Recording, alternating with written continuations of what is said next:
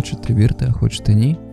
Коли сьогодні готувався до нашого подкасту, то думав говорити про радість, трошечки змінити атмосферу з тих роздумів отця Тішнера і натрапив на роздуми отця Франциска Карвахаля про радість.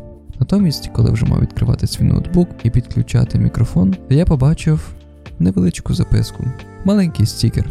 На ньому польською мовою була написана цитата з документів Другого Ватиканського собору. Дуже цікаво. Я почав шукати, відкрив книжку і побачив, що не можу знайти відповідного пункту. Тому прочитаю для вас такий імпровізований переклад того, що маю на стікері.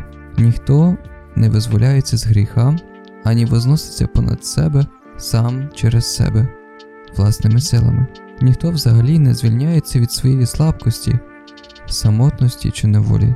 Усі натомість потребують Христа як прикладу, вчителя, визволителя, Спасителя і оживителя. Тому, дорогі, запрошую вас сьогодні як ніколи. Можливо, це є Божий знак для тебе. Якщо відчуваєш в своєму серці, в своєму житті якусь річ, яка тримає тебе, яка тебе поневолює, викинь її зі свого життя міцю Христа. Проси про це, ставай на коліна, кажи перед Господом: Господи, потребую твоєї допомоги. Насправді шукаю тебе, чекаю на тебе. Прошу тебе, прийди і врятуй мене.